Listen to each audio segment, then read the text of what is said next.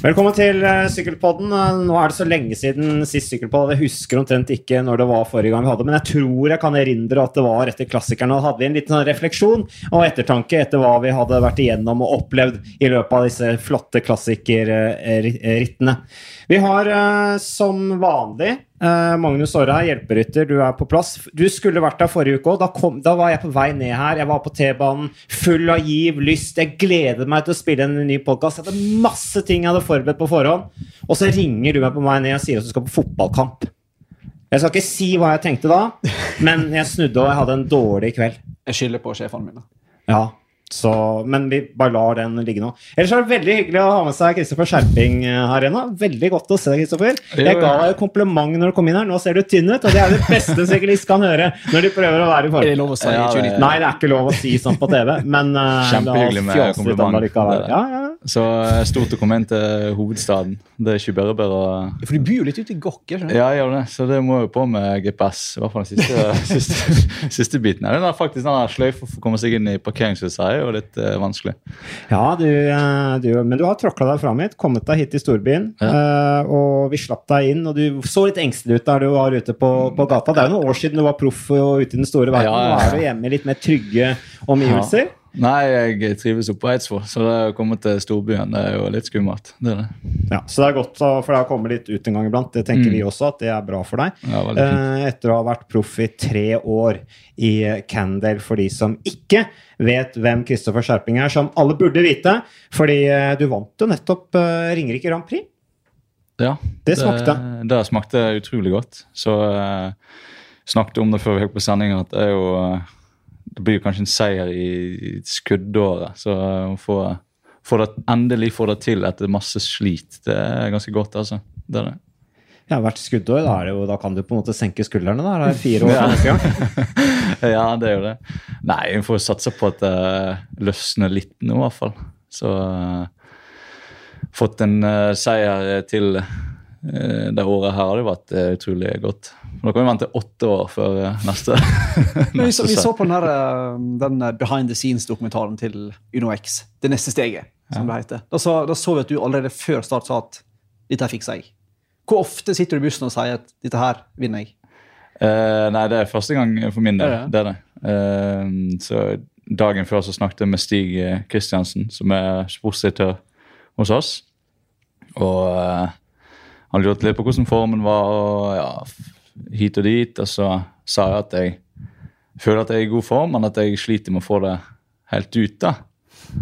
Og da mente han at uh, burde liksom si på møtet at uh, du følte deg sinnssykt bra, og at, uh, at du trodde du kunne dra dette her i land. da. Og um, på taktikkmøtet i bussen uh, en time før start så bare glapp det ut av meg, og jeg sa det. og kjente at på en måte det her eh, hadde riktig tenninger den dagen her, og det heldigvis så klaffer det. Det ser litt dumt ut i etterkant hvis ikke det klaffer. Ja, er det sånn at da vil komp la kompisene komme og si dude, du sa du kom til å vinne, og så ble de sure? Altså, er det, er det, så høy terskel for å si at i dag er jeg i kanonform? liksom? Nei, altså det eh, Det er vel kanskje det alle er redd for, da, å på en måte gripe den muligheten. da. Så sånn i, Når det drar seg mot spurt, så blir det litt sånn ja, jeg har litt dårlige bein, og så går du til lagkameraten som er litt rask, og så sier han at jeg føler meg litt dårlig. jeg også. Så alle vil på en måte fraskrive seg det ansvaret. da. Og Det tror jeg er sånn typisk i, i syklinga. da, At det er ingen som på en måte vil, mm. vil stikke seg fram og, og, og, ta en for laget. da, og det, det er uansett liksom hvordan det går, så er det ingen som blir skuffa. Hvis du har fått den eh, tilliten i utgangspunktet, da, så så er det på en måte det beste kortet. Og hvis du har gjort så godt du kan, så kan du på en måte ikke bli skuffa. Men føler du da, når du sier at nå føler jeg at jeg kommer til å vinne, føler du da et større press for å levere? Er du mer stressa før start og underveis da? Eller har du, finner du roen da, når alle bare kjører for deg, og alle veit hva som er målet? Ja, liksom? Jeg trives best med på en måte press. Eh, eget press på meg sjøl, men sånn press utenifra så jeg pleier på en måte ikke å prestere. Det er veldig få som gjør.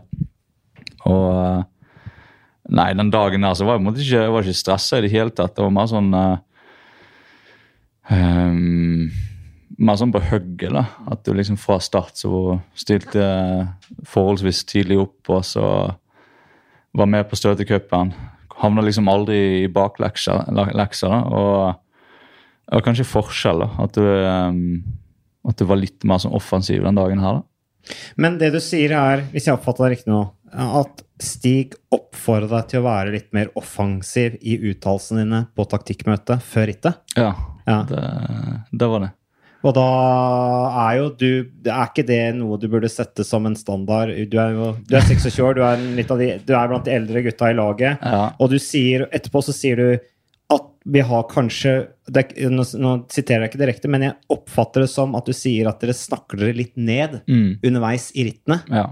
Er ikke det da dere, det noe dere bør jobbe med, og kanskje få litt mer fandenivoldsk innstilling før start, og fyre dere opp litt mer i bussen, da? Selv om dere kanskje føler litt tunge, og, men at ikke det skal liksom, at det ikke skal bli for forsiktig?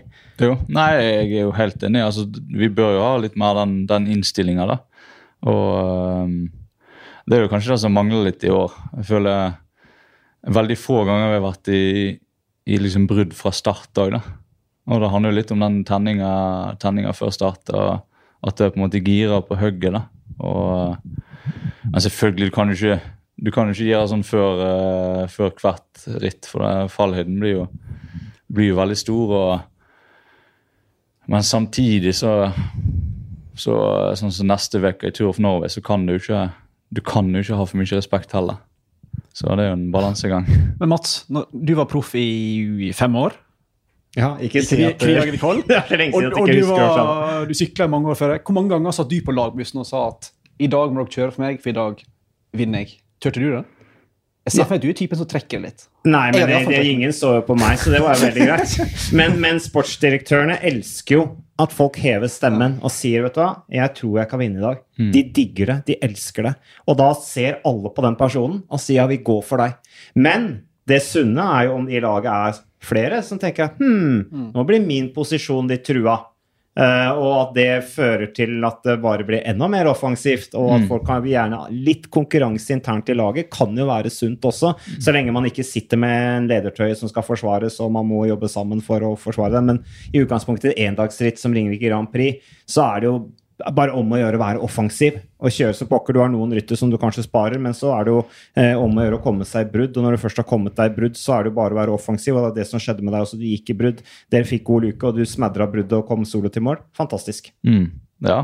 Tok Tor ofte ordet i Koll og bare sa 'kjør for meg'? Ja, han tok ansvaret og sa ja, jeg tror jeg kan vinne.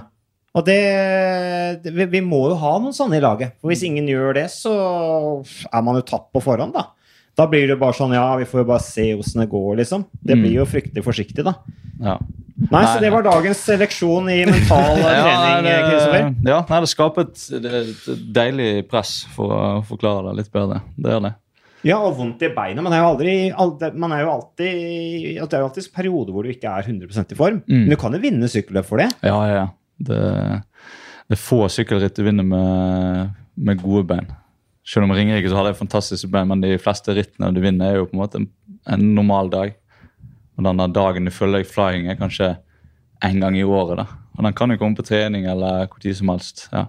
Ja, så kan du, det kan løsne underveis i rittet òg. Mm. Du kan jo egentlig føle deg litt sånn tung og sliten, og så sitter du plutselig i det, og så er du sterkere enn eh, konkurrentene dine i det bruddet, fordi at de er kanskje ikke i superform, de heller. Mm. Ikke sant? Så tar du de, så Nei, det er interessant det der at du sa. Det var jo overhodet ikke på agendaen å snakke om det vi gjorde nå. Du skal forresten sykle da med Anders Skårseth, eh, eh, Erik Ressel, Skjerping, det er jo deg selvfølgelig, Holgaard, Træn, Abrahamsen, og så er det da Kulseth, Christian Kulseth, som er reserve i eh, Tour of Norway.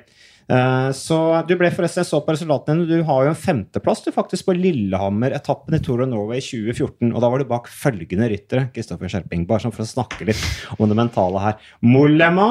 Bauke Mollema vant foran Jesper Hansen, som nå sykler i Kofti. Sykla for uh, Saxo Bank den gang, Jesper Hansen. Lars Petter Nordhaug ble nummer fire. Og Pelle Bilbao var da foran deg. Ja, Lars Petter Norheim og Pelle Bibao, ja. Eh, og Pelle Bibao ble jo vant til etappe sju i årets Giro. Er jo topp ti sammenlagt der. Så det var eh, bra gjeng du kriga med den gang. Og den etappen da Eiking datt Ja. svingen rett til Ja, han fikk vel pedalen i bakken, og så sklei han. Så der kunne han uh, faktisk fått en seier. Ja. Og uh, ja. Nei, det var en uh, kul etappe der. Da. Det er synd at den etappen er vekk, egentlig. For da sykler vi vel opp denne ja, Ikke spør meg hva det heter. Saksumdal, eller hva det heter opp der. I hvert fall da det var litt mer bakker i Turfnø før i tida. Så uh, Av gamle dager. Alt var mye tøffere før. Ja. Du ble 14 sammenlagt det året der. Det er din beste plassering samlet. Hva er forresten målet til UnoX Development Team og deg sjøl i Tour of Norway? Uh, målet for oss det må jo være være offensive, sånn som Ringerike.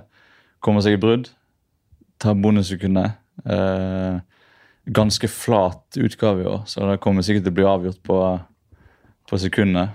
Med mindre et brudd går inn, da, selvfølgelig. Så å få tatt noen bonussekunder blir jo på en måte viktig for å være med i sammendraget da, til slutt. Og hva gjør man for å ta bonussekunder? Ja, da må man i brudd, da. Helt riktig. Ja. så vi kommer til å se Kristoffer Skjerping mye i brudd. Merk dere det, alle folkens som hører på her nå, og som skal se på Tour Norway. Kristoffer Skjerping skal i brudd. Ja. Om han ikke tar ledertrøya, skal han i hvert fall ha poengtrøya. Ja.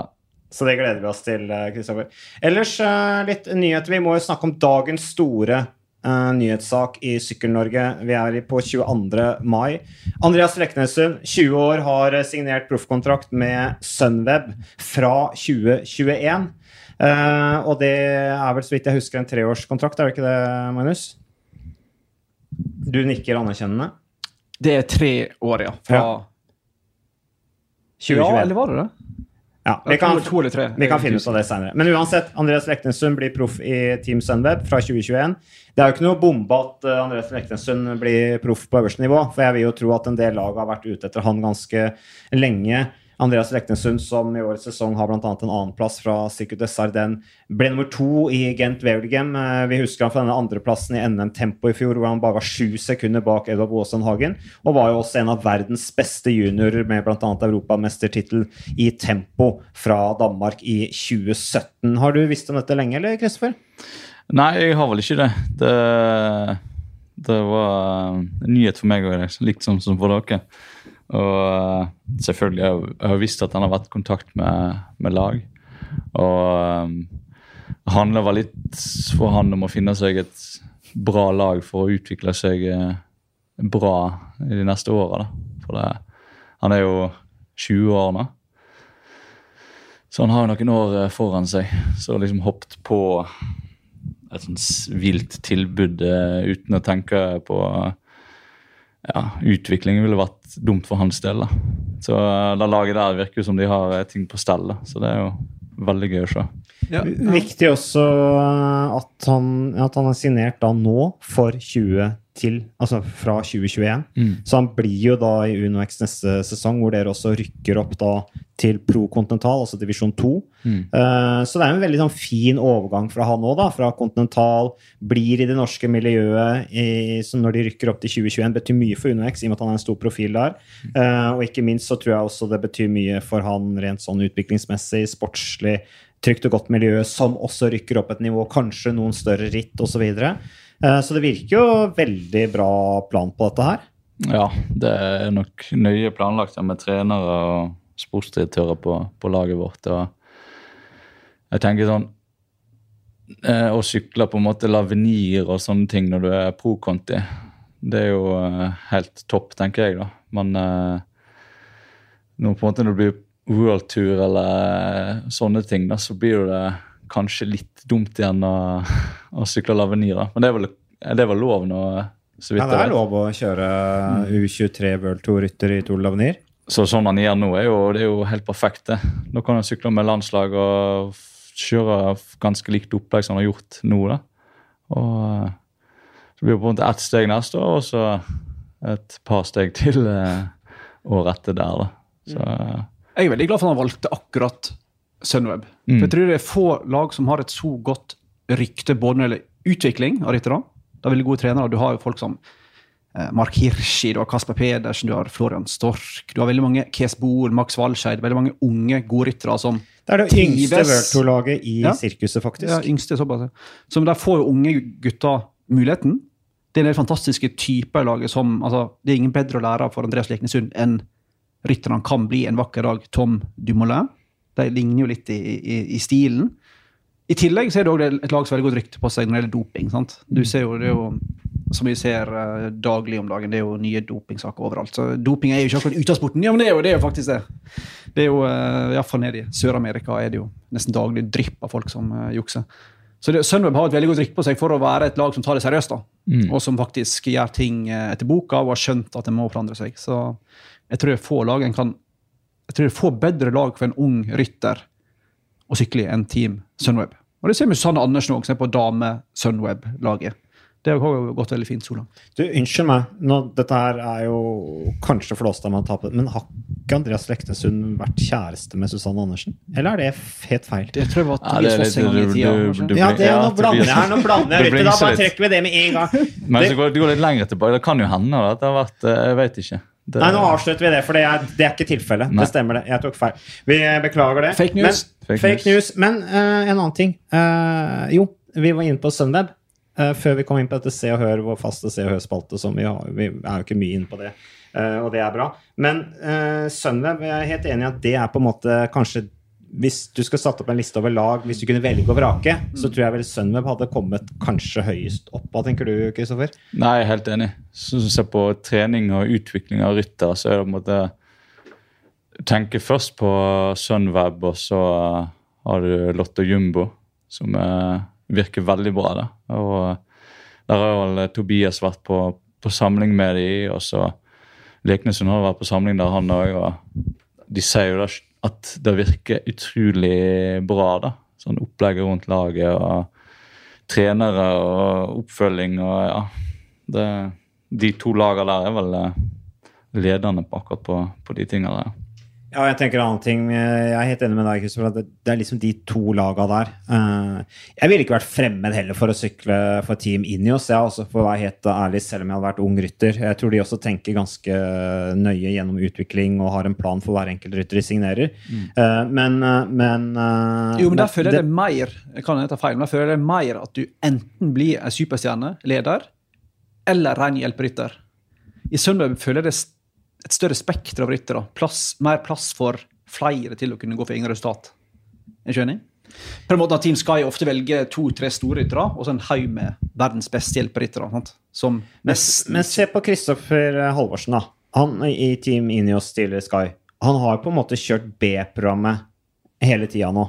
Eh, og det har jo vært et program som på en måte hvor han har fått ganske frie kort til å kjøre for egne resultater, noe han jo også eh, tidvis har gjort. Han har jo vunnet ritt i år, og, og det er jo åpenbart at de, de, de, kjører for han i ganske mange av de rittene han, han kjører. Mm. Nei, jeg, jeg, er jo enig med det der. at uh, Jeg tror folk ser litt på Sky som et skummelt lag å gå til når du er ung. Da. Men uh, det er jo de som har mest penger, så uh, det er jo ikke tvil om at de har ting på stell. Så, men igjen de har jo de største stjernene, så det blir jo litt sånn Jeg ser for meg at uh, fokuset blir jo veldig mye på de. Og uh, på et lag sånn som Sunweb så har på en måte sinnssykt bra opplegg på B-programmet òg, da. Så jo det liksom de prøver å tenke på uh, utvikling og, og de tinga der. og Uten at jeg, jeg, har ikke, jeg har ikke peiling. Jeg sitter bare her og, og fjaser, egentlig. Ja, Men det gjør vi alle sammen. jeg har iallfall ikke peiling. men Kristoffer um, Sunweb som lag. Altså uh, historien til laget. Det var opprinnelig Skill Shimano med, med Fredrik Wilman på laget, faktisk. Gode gamle. Gode gamle Fredrik Wilman. Eller gode unge. Uh, evig unge. Uh, og så har du på en måte hatt en voldsom utvikling, for det var jo i utgangspunktet et spurtlag. Kittel, Degenkolb, uh, flere gode spurtere som kommer fra det systemet der. Og så plutselig skifta de helt fokus. Og nå er det et lag for en helt annen type ryttere. De har, de har Max Walscheid, og så har de Nikias Arnt, som er ganske god til spurte, men det er på en måte Michael Matthews. Michael Matthews er jo Ja, Kees Ja, Uh, men det er på en måte ikke noe spurttog lenger, sånn som det var i, i gamle dager. Uh, de, hovedfokuset deres er jo tempo, klatring og jobbe med disse unge talentene de har, som, som kan nå langt. Tom Dumoulin selvfølgelig som går i spissen, men det er jo definitivt et spennende valg for Leknesund. Det er jo det er på en måte hans kopp te, for å bruke det uttrykket. Mm. Absolutt. Ja, Hvis du liksom skulle tatt et lag valgt fra hele lista hvor du ville signert, da, så er jo det helt klart et lag eh, du ville gått til. da. Absolutt. Ja, også med tanke på Christopher, du kjenner han jo, du har sykla en del med han. Uh, og, og, hvor ser du Andreas Leknes syns det er vanskelig å spå, og det er kanskje litt kleint å gjøre det og sånne ting, men, men potensialet hans, uh, hva, hva, ser du i han? Hvor, hvor, ser du han om ti år, hvis han lykkes? Nei, det er jo um ja, det er jo um, helt umulig å si. Da. Men sånn tenker ti år fram i tid, så tenker jeg at han uh, helt garantert vil uh, i hvert fall være på lag med en som vinner, vinner Tour de France. da, Sitte med og, og Tauefjellet. Han er jo en rytter som kan vinne Tour de France sjøl òg en, en gang. Ti år fram i tid, da er han 30, da, så da, ja, da vinner han Tour de France. da. Ja, Så hvis du hadde vært treneren til Andreas Leknesund, så hadde du trent han med tanke på en utviklingstrapp hvor sammenlagt, en topplassering sammenlagt i Tour de France var målet? Ja, for liksom, han har jo han er jo en veldig sånn komplett uh, rytter. da. Uh, du ser jo på tempo, ekstremt god. Klatring, ekstremt god. Og han er liksom Han er ikke treig heller, liksom, i en, uh, i en sånn gruppespurt på, på, slutten heller. Så han er jo utrolig spennende rytter. da. Og det er jo lenge siden Norge har hatt en sånn klatre av det kaliberet. Så eh, det, Derfor er det liksom vanskelig å se hva han kan få til. Og, liksom. Ja, Så er han jo robust, fordi at andreplass i Gent Wevelgem eh, Nasjonscuprittet, riktignok. Ja. Eh, men det sier noe om at han er robust type i felt og takler brostein og dårlig underlag og skubbing i, og kamp i felt og sånne ting. Det er jo også et godt tegn, da. Ja, det er kjempekult. Jeg tenker sånn som så U23 selv om du er klatrer eller spurter eller hva som helst, da, så, så, bør du på en måte hevde deg i de U23-ritter som er. da. Og bare ja, For å vise at du er en komplett rytter. Da har du kommet til Tour de France på de brosteinsetappene. Plutselig har du en klatrer som kjører dritbra. da. Men for han å kjøre Paris-Roubais blir jo på en måte helt feil. da. Selv om han, han kommer til Tour de France-etappen, så hevder han seg kjempebra. da. Og det er jo det som er litt kult, at du er på en måte en komplett syklist. da. Men, men du har sykla med mange gode ryttere sykler mange gode ryttere nå. Du har gjort det i Norge tidligere. Og så er du proff i tre år, så du har sykla med liksom Daniel Martin og Betty Joll og Hesjedal og hva det heter. Hvem er det største talentet du har sykla med gjennom karrieren din? Største talentet um... Hvis det er mulig å sette fingeren på deg selv, da. ja, det, det er nok meg sjøl, det. Altså. Jeg klarer ikke å finne noen andre. Nei, uh, nei vi har jo snakka om at du skulle være litt mer offensiv. Ja, Nei, det er, det, det er Leknes Sunde, altså. Det er det, ja. Du ser jo når han var, var, junior, liksom. Han var jo, han var jo den beste. Mm. Og så kom han opp i U23, og så, så hevde han seg der med en gang. Og kommer til NM nå, så tror han vinner uh, tempoen der. Det er, liksom, det er jo Det er ganske det er ganske rått så, så, god han er, og så ung han er. da. Uh, med et annet talent må vel være han uh, Arden Koste, og på samling med, med Cannondale. Vi var på Mallorca en gang. Skulle kjøre en bakketest. Det var vel opp til Kura, så det var sånn 10-12 minutter. Ja, 10 minutter. Uh, knuste alle sammen. Gjorde han det? Ja. Da var jo Kosta 19? Ja, da var han junior. Fortsatt junior. så han var med på samling for, for å se litt. da. Så vant han hele testen. Det var litt vilt. Kosta som mista beinet mm. i ei tragisk sånn, eh, var det klatreulykke? Han fikk beinet mellom en veggen og en stor stein. var det? Ja, etter at han hadde lagt opp. Mm. Fordi at han rett og slett ble sliten. Og jeg, synes, jeg hadde egentlig tenkt å ha det Vi må snakke om det en dag. Det kan du gjerne være med på, Kristoffer. Dette er med, med det mentale rundt sykkelsporten. Og det var egentlig noe jeg skulle snakke om på forrige podd òg. Dette her med disse gutta som Oppla sliter med Kittel ikke sant, nå. Uh, du hadde Kenyak som, som sto av. Du har en del Altså Det er et voldsomt press i toppidretten, og det er ikke for alle. Uh, men nå, det, det, må vi ta en egen spesialpodkast, tror jeg, akkurat det der som tema. Det kunne vært artig å ha med sånne som deg, Kristoffer, som tross alt er i det nå, og er omgitt av mye unge karer og har vært på en måte inni, inni den internasjonale delen av sporten som proff osv. med den belastningen som er der. Men bare tenkte vi skulle uh, Det var uh, veldig spennende det du sa om Andreas Leknessund, for der, der har du overskriften din, Magnus. Du er reporter, du skriver også på web. Kristoffer Skjerping, som har vært proff, sier at Andreas Leknesund er et av de absolutt største talentene han noen gang har sett. Der har du overskriften din. Han sa det største, jo, sånn. Jo, største. Men Større så begynte du å snakke om Costa og sånn, da. Men, uh, men uh, vi sier største. Så for å få det litt uh, tabloid. Men vi er veldig glad på på Andreas Leknesund eh, sine vegne. Og jeg blir ikke veldig overrasket om Tobias Foss er nestemann ut. Nei, jeg er helt enig. Den uh, stiller meg bak den, altså. Så det er jo kjempegøye tider for, eh, for Uno X nå, da. At de uh, endelig kan levere ut ryttere. Og det er på en måte da de er litt Det er kanskje det de har Kanskje ikke at de har mangla heller, for de har jo hatt utrolig unge ryttere. Så jeg har på en måte ikke vært helt klar for den. da. Men uh, at du ser nå at de utvikler seg riktig vei, og at de endelig kan komme ut. og Det er jo kult for, for Uno X. da. Det er eh, absolutt eh, veldig gøy. Og så må det komme nye til, da. Så nå bygger man en fabrikk. Ellers kan vi bare kjapt ta en liten runde. Vi sender jo selvfølgelig nå fra, fra fredag. Så sender vi da først The Hammer Series. Så er det da én dag hvile, og så er det Tour Norway. Uh, første etappe som går fra Stavanger til Egersund. Eh, med avsluttende runde i Egersund. De lager disse rundene inn i byene som er kjempegøy, som legges opp til at det skal bli folkeliv. Ser ut som spurtetappe. Etappe to Kvinesdal-Mandal, som har en litt tung start. Der, går, der kan du gå i brudd, Kristoffer. Det så jeg på den profilen. Det bare lyser Kristoffer Skjerping gå i brudd. Etappe to, merk deg den. Fra Kvinesdal til Mandal. Der er det mulig å gå i brudd i starten i det tunge partiet. Og så er det da en lett avslutning i Mandal med en finalerunde på 9,6 km med mål ved brygga. Bare kom ut, spis is og kos dere og se på disse syklistene.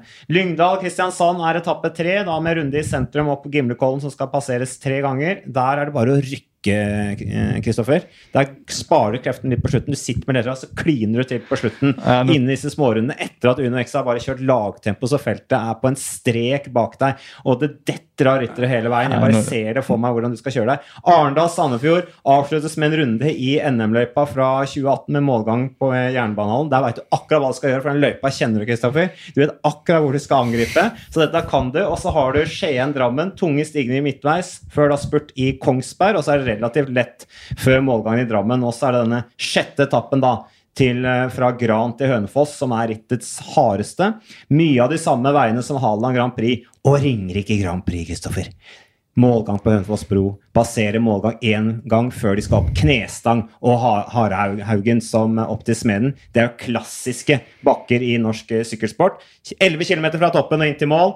Det bare, det bare må bli Kristoffer Skjerpen.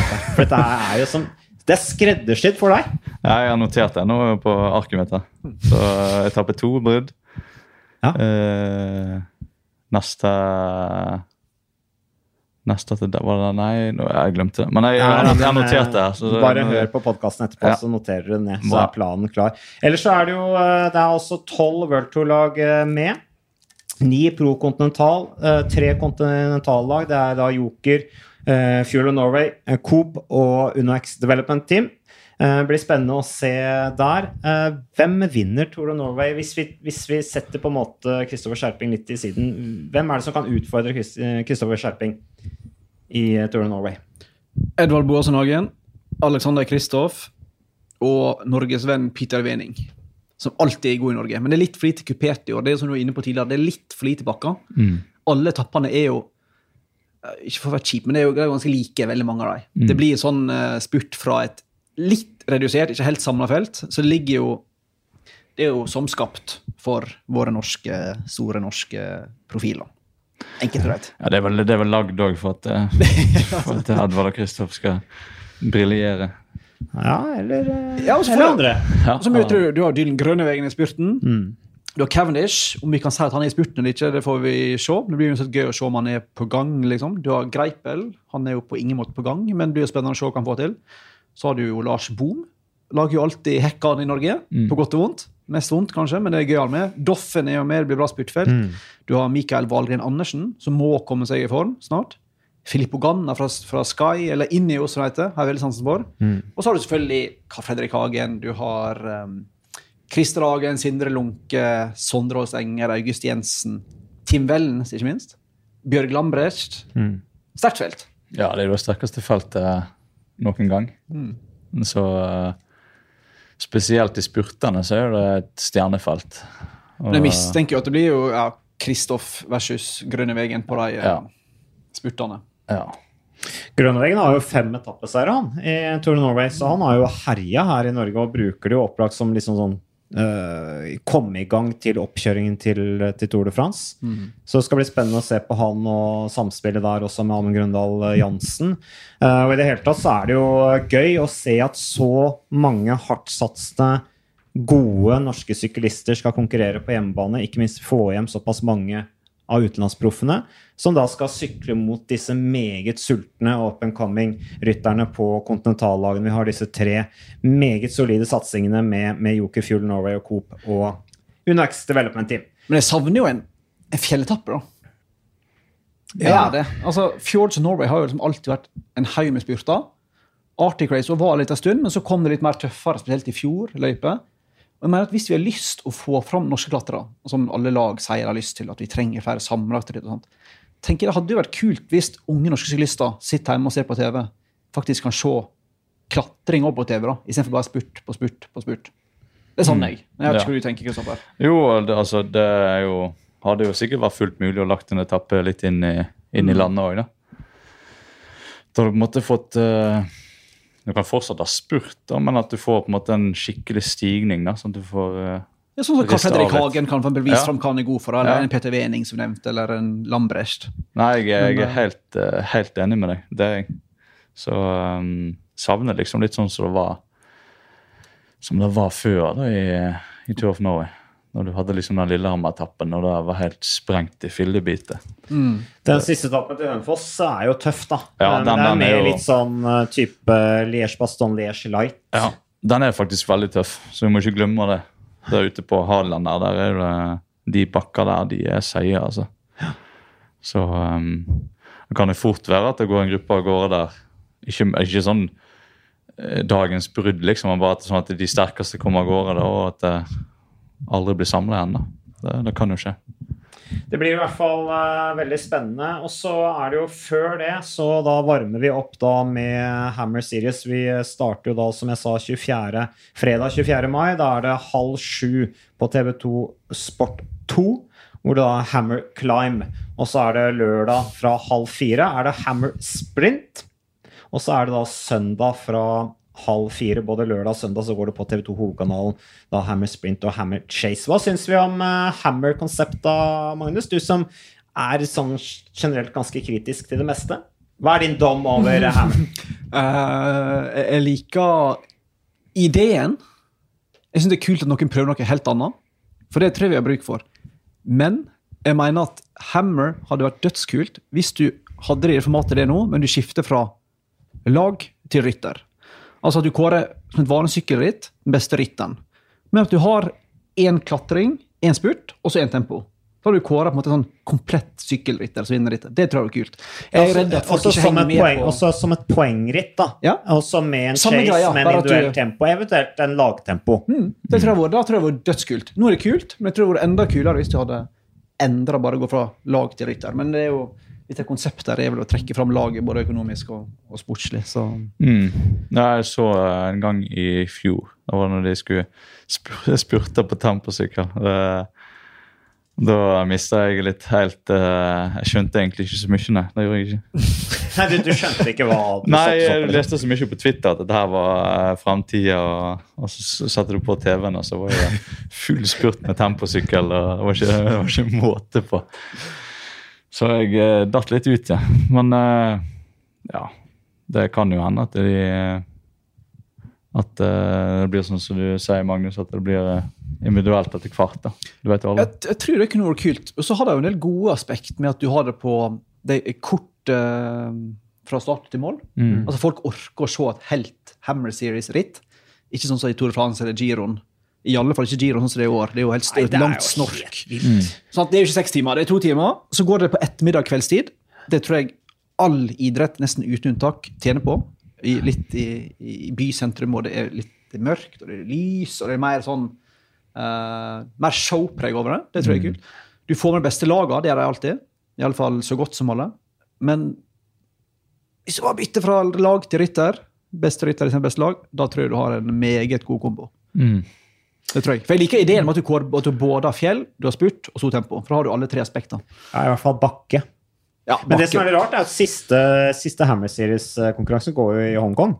Og der er det jo der, der er det ikke bakkekonkurranse. Jeg vet ikke om det er fordi at det er så flatt i. Hongkong. Da At det ikke litt, finnes noe bakke. Da blir jo poenget litt fjernt, sant? Ja. Hva er vitsen?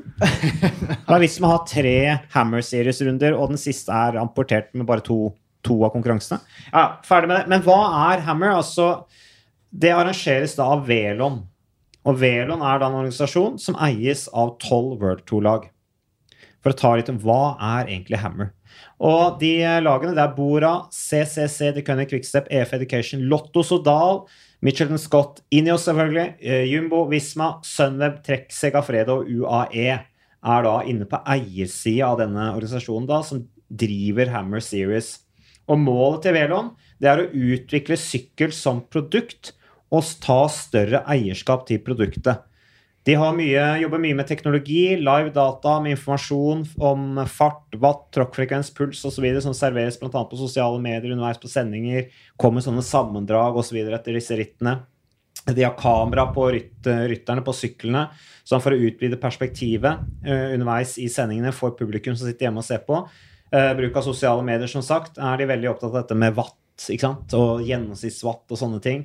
Eh, har livesentre fra rittene og jobber også mye med det grafiske, som i hvert fall jeg syns minner veldig om NHL eh, og amerikanske proffserier. NHL du tenker på? Ja, jeg syns det ligner litt på det. eh, Ishockey og amerikanske proffserier. da. Måten det presenteres lagene og rytterne. Litt sånn schwung over det. da. Eh, jobber tett med rittarrangører da, for å utvikle sykkelsendingene. Og så har de da tett dialog og tilgang på lag og ryttere. i og med at de, de, altså Rytterne er veldig sånn jeg føler at rytterne er veldig med å promotere det. Og det er nok fordi at de har fått beskjed om at du hører her, laget vårt er med der i det konseptet. her, Sier du noe negativt om det, så er det kontraktsbrudd. Altså, Ja. Det er inntrykk av at alle rytterne som er med på eiersida av, eh, av Veloen og Hammer Series, de snakker positivt om det. Av rein sånn strategiske grunner, uansett om de liker konseptet eller ikke. Så øh, hvor mye vet du om Veloen og Hammer Series før vi før jeg kaller introduksjonen her nå? eh, Pent lite. Det er rett og slett. Det, jeg ser de her videoene på under Tour de France. og sånt da. Det er vel Veland som driver med det òg. De kameraene under setene og sånne ting. Men eh, jeg vet egentlig veldig lite. Prøvde å satt, sette meg litt inn i fjor, og så så jeg på, og så følte jeg at jeg skjønte ikke så veldig mye av det. da. Men jeg syns den, den klatrekonkurransen var jo utrolig spennende da, å se på. Og det var jo, det var jo offensiv, eh, det var jo offensiv kjøring fra, fra start til mål. da. Så den tanken var jo Eller den er jo utrolig bra, da. Men skal vokte seg litt for å gjøre sykkelsporten for komplisert. Det er jo i utgangspunktet en veldig komplisert idrett.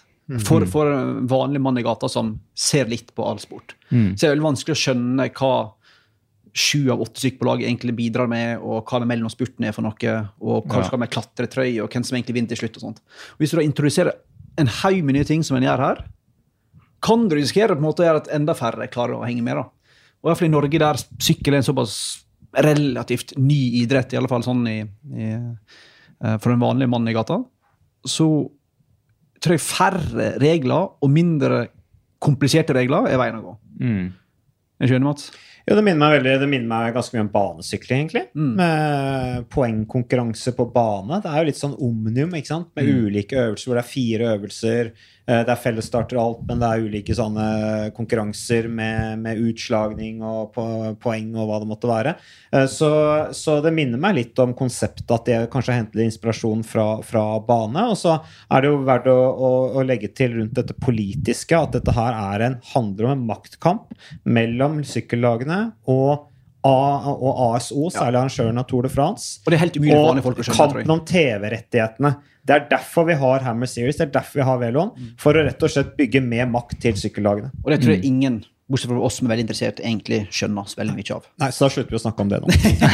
Nei, men jeg mener bare at sykkel, Veldig mange drar parallellen til um, at sykkel må bli mer som Formel 1. Ja. Og at du ikke må ha overlappende ritt, at du må bli mer som fotball med et sånn overgangsmarked. Noen vil ha det mer som amerikansk idrett, mer grafikk. Men hvorfor skal hele premisset synes jeg er rart, hvorfor skal sykkel alltid bli som andre idretter? Har ikke sykkel nok bra ved seg sjøl til å på en måte bare dyrke det konseptet istedenfor alltid skulle se etter andre idretter og ta etter dem? Skjønner du hva jeg mener? Ja. For Hammer er jo, Du vil jo ta det til lagidrettene, der folk skjønner at det laget er bedre enn det. Mm. Men sykkel har aldri vært en lagidrett. Strengt tatt. Nei, det er jo per Ja, ja. definisjon individuell idrett. Du har helt rett i Ja, det. sant? Så, eller per definisjon er lagidrett, da, men i praksis individuell idrett. Strengt tatt, i og med at du har lag. Ja, altså Ja. teoretisk så er det en, en, en, en individuell idrett. Ja, men teoretisk du stiller jo opp med lag, så du vinner jo for laget, men i praksis er det en individuell idrett. Ja, i praksis. Ja, ja, uansett, da. Ikke i teorien. skjønner- skjønner bare Nei, okay. Altså, Edvard Baasen Hagen har aldri blitt uh, nominert til årets lagspiller i, på idrettsgallaen, for Nei, han per definisjon driver med individuell idrett. Ja, på tross av at han f.eks. i 2012 i Tour de France gjorde en helt vanvittig laginnsats for Bradley Wiggins og Team Sky. Jo, men folk kaller det mest, den mest individuelle av alle lagidretter.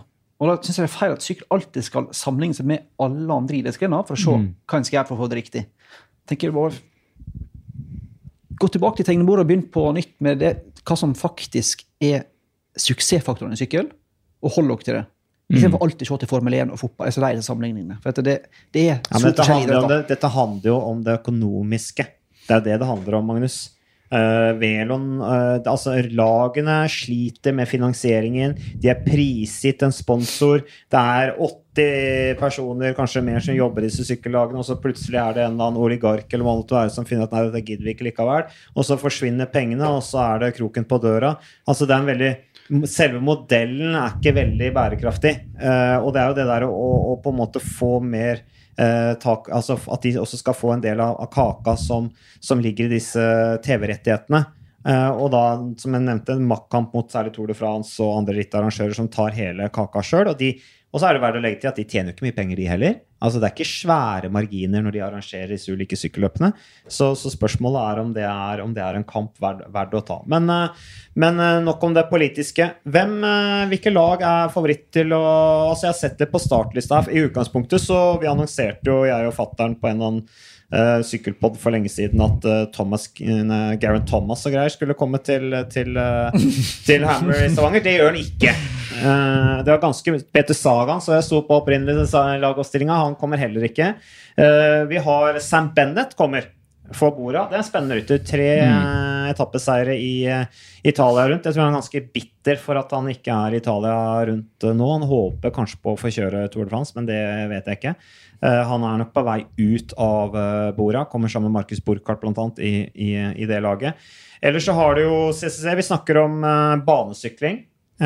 Shimon Shainuk Han er verdensmester faktisk eh, på, på bane i Omnium. Det var vel i fjor. Han, han kjører da for CCC.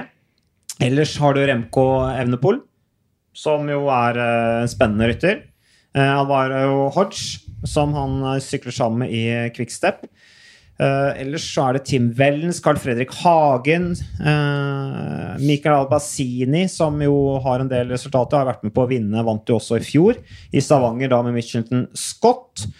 Uh, Sunweb, Vi snakket om Nikias Arnt tidligere uh, i forbindelse med at uh, Sunweb, det systemet der, har, har opp, fostret opp en del gode spurtere. Kommer med Vax Walscheid også. Søren Krag Andersen, spennende rytter.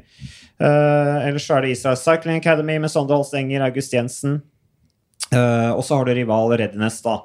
Uh, som også er dette danske pro-kontinentallaget med, med to norske ryttere. Så hvem er favoritter? Jeg tror det blir to av de samme lagene som i fjor. I fjor var det Mitchelton Scott og sånt. Foran Sunweb og det som var BMC, hvis jeg, var, hvis jeg husker riktig. Mm. Jeg tror ikke CCC, som BMC heter i år, er sterk nok. Men jeg tror Sunweb har et veldig sånn allsidig lag. For du har Walscheid, du har Krag Andersen, du har temposterke ryttere. De passer profilen veldig godt. da. Mitchelton Scott tar det veldig seriøst. Vant jo hele Hammer Series sammenlagt i fjor. Det er òg en slags egen Ja, dette er første liga, runde. eller hva vi skal kalle det. Så de to, to lagene tror jeg uh, kommer til å være de vi skal se mest opp for, kanskje? Ja, og så er det jo ikke sant, Hammer Climb. Uh, det er jo Hammer Climb. De skal opp Grisabakken. Den er tøff, den. Det er parti på 20 på det verste. Jeg vet ikke hva jeg stemmer det, eller?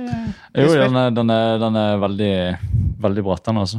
Så på det bratte er det litt sånn som uh, Reaperen, egentlig. Og det er smalt. Veldig smalt. Um, så den, eh, den skiller litt, den. Altså, man er jo kort, da. Det er jo en kort bakke. Så det er jo litt mer sånn punch enn uh, akkurat en klatrer-type bakke, da. Ja, det er jo eksplosivt. Altså, Hammer Series er eksplosiv Ja. øvelse. Ja, ja. Uh, sånn at uh, Nei, Jeg holder litt med, med Sunweb, Uh, altså. spesielt i dag. da. På en da, sånn dag som det her, så holder vi med Sunweb. Ja, vi får heie litt på Sunweb, og jeg er helt enig. Ni- Nikias Arnt, Max Walskjær, Søren Krag Andersen, Mark Hirschi, Kasper Pedersen, Michael Store og Asbjørn Krag Andersen kjører altså for Team Sunweb. Bra lag. Eh, ellers så Og det kan vi presisere allerede nå, så folk som ser Hammer, skjønner det. Det er ikke sånn at du har de samme folka som deltar hver dag.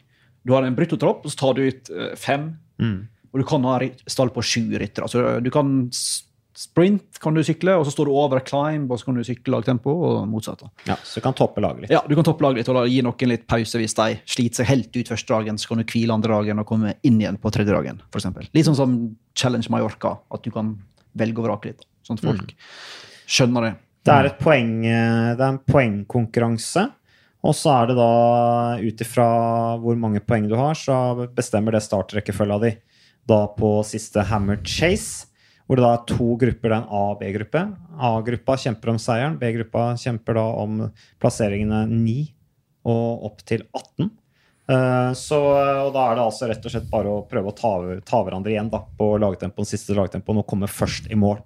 Det er liksom ett poeng, ett sekund, eller hvordan fungerer Åh, Ja. det har jeg Bra her, spørsmål. men, eh, men det Da kan vi ta i neste episode. Det tar vi neste episode. er. Regler. Eh, altså, Hammer Climb og Hammer Sprint deles det ut poeng til de ti første rytterne over målstrek på hver runde. Uh, 10, 8,1, 6,6, 5,3, 4,3, 3,5, 2,8, 2,3, 1,9 og 1,5 eh, poeng, altså. Eh, og så er det da doble poeng på runde 3 og 7 og 11 på Hammer Climb. Eh, og så er det da doble poeng også på Hammer Sprint, da på 2, 5 og 8. Og de ti beste lagene på de to første øvelsene får bonussekundene. 15, 12, 10, 8, 6, 5, 4, 3, 2 og 1. Som teller da i søndagens forfølgelsesritt. da. Skjønner. Så da trekkes det vel fra totaltida. Det, det, dette skal vi finne ut av. Du skal ha litt notater på stemmen for Ja. å huske dette. Nei, og så er det da, som jeg sa, laget med flest poeng etter to første rittene, som starter først på lagtemporittet. Én starter først, selvfølgelig, og så er det da pluss 30 sekunder bak, pluss 55 sekunder bak, pluss 1 minutt og 15 sekunder bak, pluss 1 minutt og 30 sekunder, og så, og så videre. Og så videre. enkelt forklart, du har to dager der du samler samler, mest mulig poeng for å kunne komme best ut på jaktstarten med siste dagen. Enkelt og greit. Så det er eh, godt du slipper å være med på dette, Kristoffer. Ja. Du hadde måttet ta, bruke kalkulatoren underveis i rittet. Ja, faktisk. Det var veldig bra at du kom med en eh, forklaring nå, da, så blir jeg litt klokere. i hvert fall. Ja. Så, eh, og så er det da sikkerhetshensyn at lagene blir delt inn i to puljer da, på åtte lag på den avsluttende chase. Og eh, Nei, så det, vi ser fram til det, altså. Hammer Climb, 9,5 runder. Ni fulle runder, altså. Uh, opp Grisabakken, blant annet. Det blir kjempeliv i Stavanger, hvor det også skal være da Hammer Sprint. Uh, start på, fra Stavanger Forum på begge disse to uh, dagene. Og så blir det spennende å se på da de ti norske proffene som er med der i, eh, i eh, Hammer Series. Kriste Hagen og Sindre Lunke også i Rival. Rasmus Tiller, Edvard Baasen Hagen, Kristoffer Halvorsen, Sven Erik Bystrøm, Alexander Kristoff, Amund Grøndal Jansen, August Jensen, Sondre Holsenger og Carl Fredrik Hagen. Da tenkte jeg at vi snart kan eh, avslutte denne sykkelpodden. Det er eh, Jeg tenkte bare vi måtte eh, vi, Jeg syns vi skal gratulere Stine Borgli med sammenlagtseieren i eh, Burgos rundt. Hun kjørte for det norske landslaget, som jeg syns er litt i medvind nå. Det er godt å se. Hun vant foran da Royana Paladin fra Al Cipollini. Hun er jo virkelig en, en rytter som har, har markert seg og uh, Mavi Garcia da, fra Movistar, som ble nummer tre. Ingrid Lorvik også med en flott femteplass der i, i Burgos. Og det er altså den første norske samleseren i et UCI-ritt på tre år, eh, Magnus. Når, hvor var forrige? Jeg mener Vita Heine vant et etapperitt i Finland på sommeren 2016. Ja, Så dette er noe helt annet. Men så er det gull for norsk damesykkel at hun vinner. Hun fikk 143 UCI-poeng, tror jeg. Norge har til sammen 722 nå. Og dette er viktig fordi plassen du får i nasjonsrankinga, bestemmer hvor mange plasser du får i VM. Så Norge gikk opp fra en 26. til en 23.-plass. Det er, tror jeg alle er enige om ikke er, er, godt nok. Men hvis du kommer over 20, hvis du kommer med 19, 18, 17.-plass, da får du fem plasser i VM. Nå har vi bare tre. Mm. Hvis jeg har forstått UCI sitt meget kompliserte regelverk riktig. Det er jo så Dette blir en veldig komplisert det, det, er veldig vanskelig, Men det ligger altså an til å ha kun tre ryttere i VM. Det hadde vi tilbake i Doha i 2016, men ellers har vært flere. Men nå fikk vi en del poeng. Hvis vi får litt poeng til, da hadde vi sikra flere ryttere i VM. Uh, så det er viktig med disse seirene, ikke bare prestisjemessig og for borgerlig personlig, men òg for Norge som sykkelnasjon er det viktig at eh, en samler sammen poeng rundt om i verden. Det har vært svært få poeng de siste åra generelt for norske damene. Ja, og så er det jo også Vita Heine og Miriam Moberg som da vant hver sin etappe i Toro Uppsala. Mm. Som jo også var eh, bra.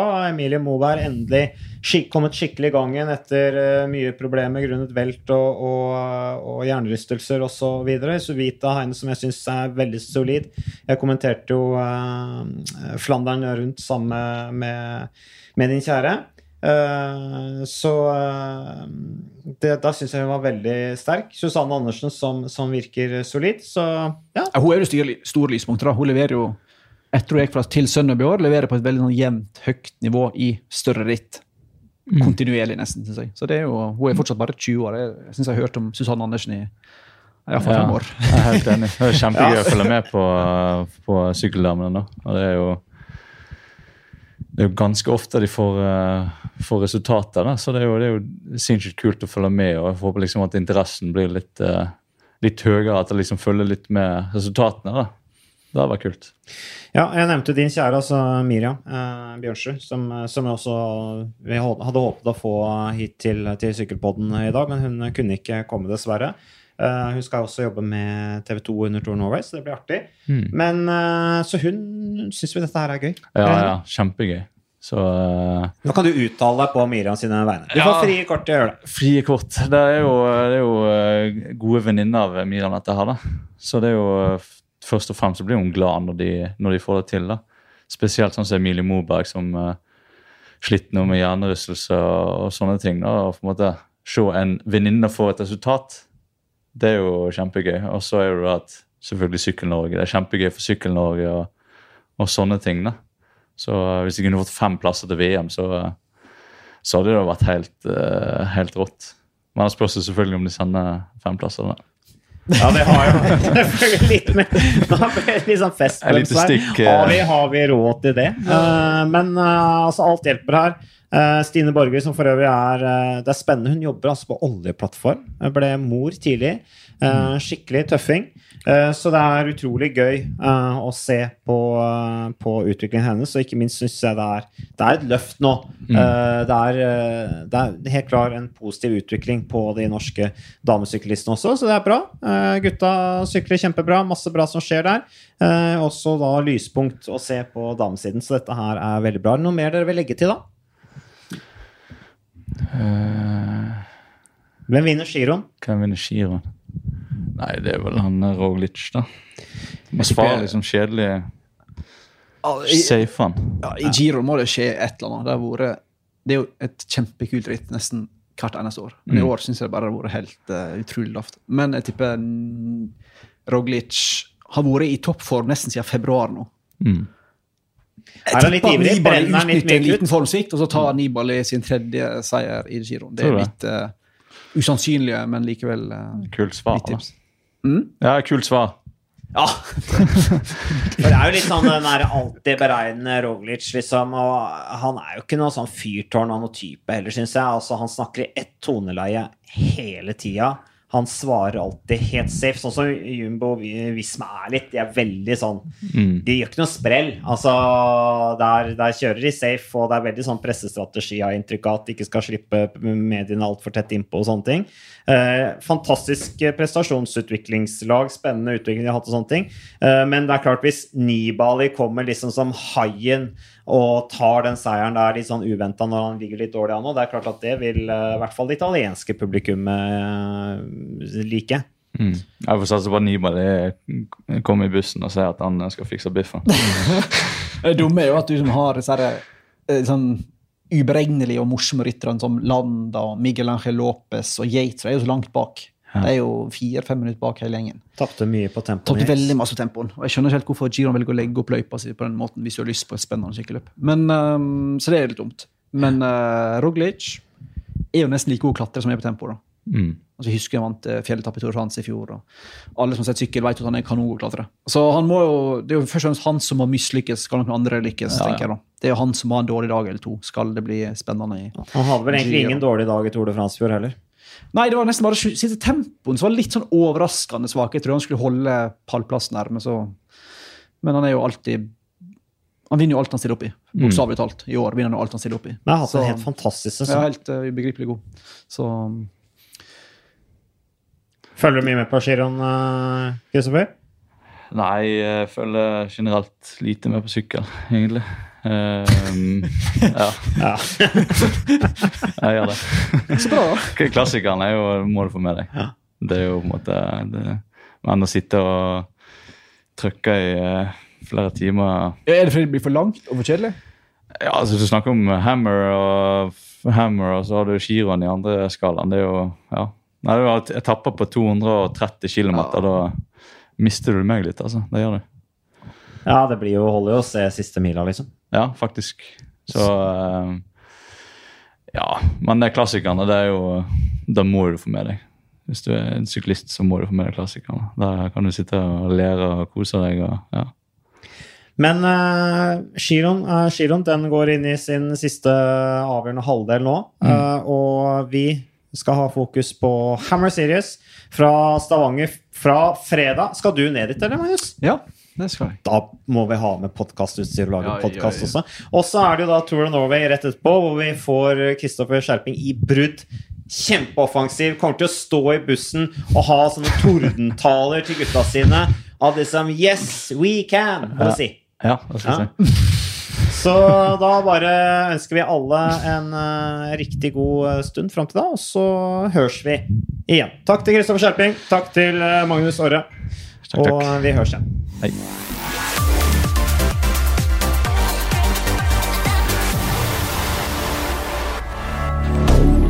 Moderne media.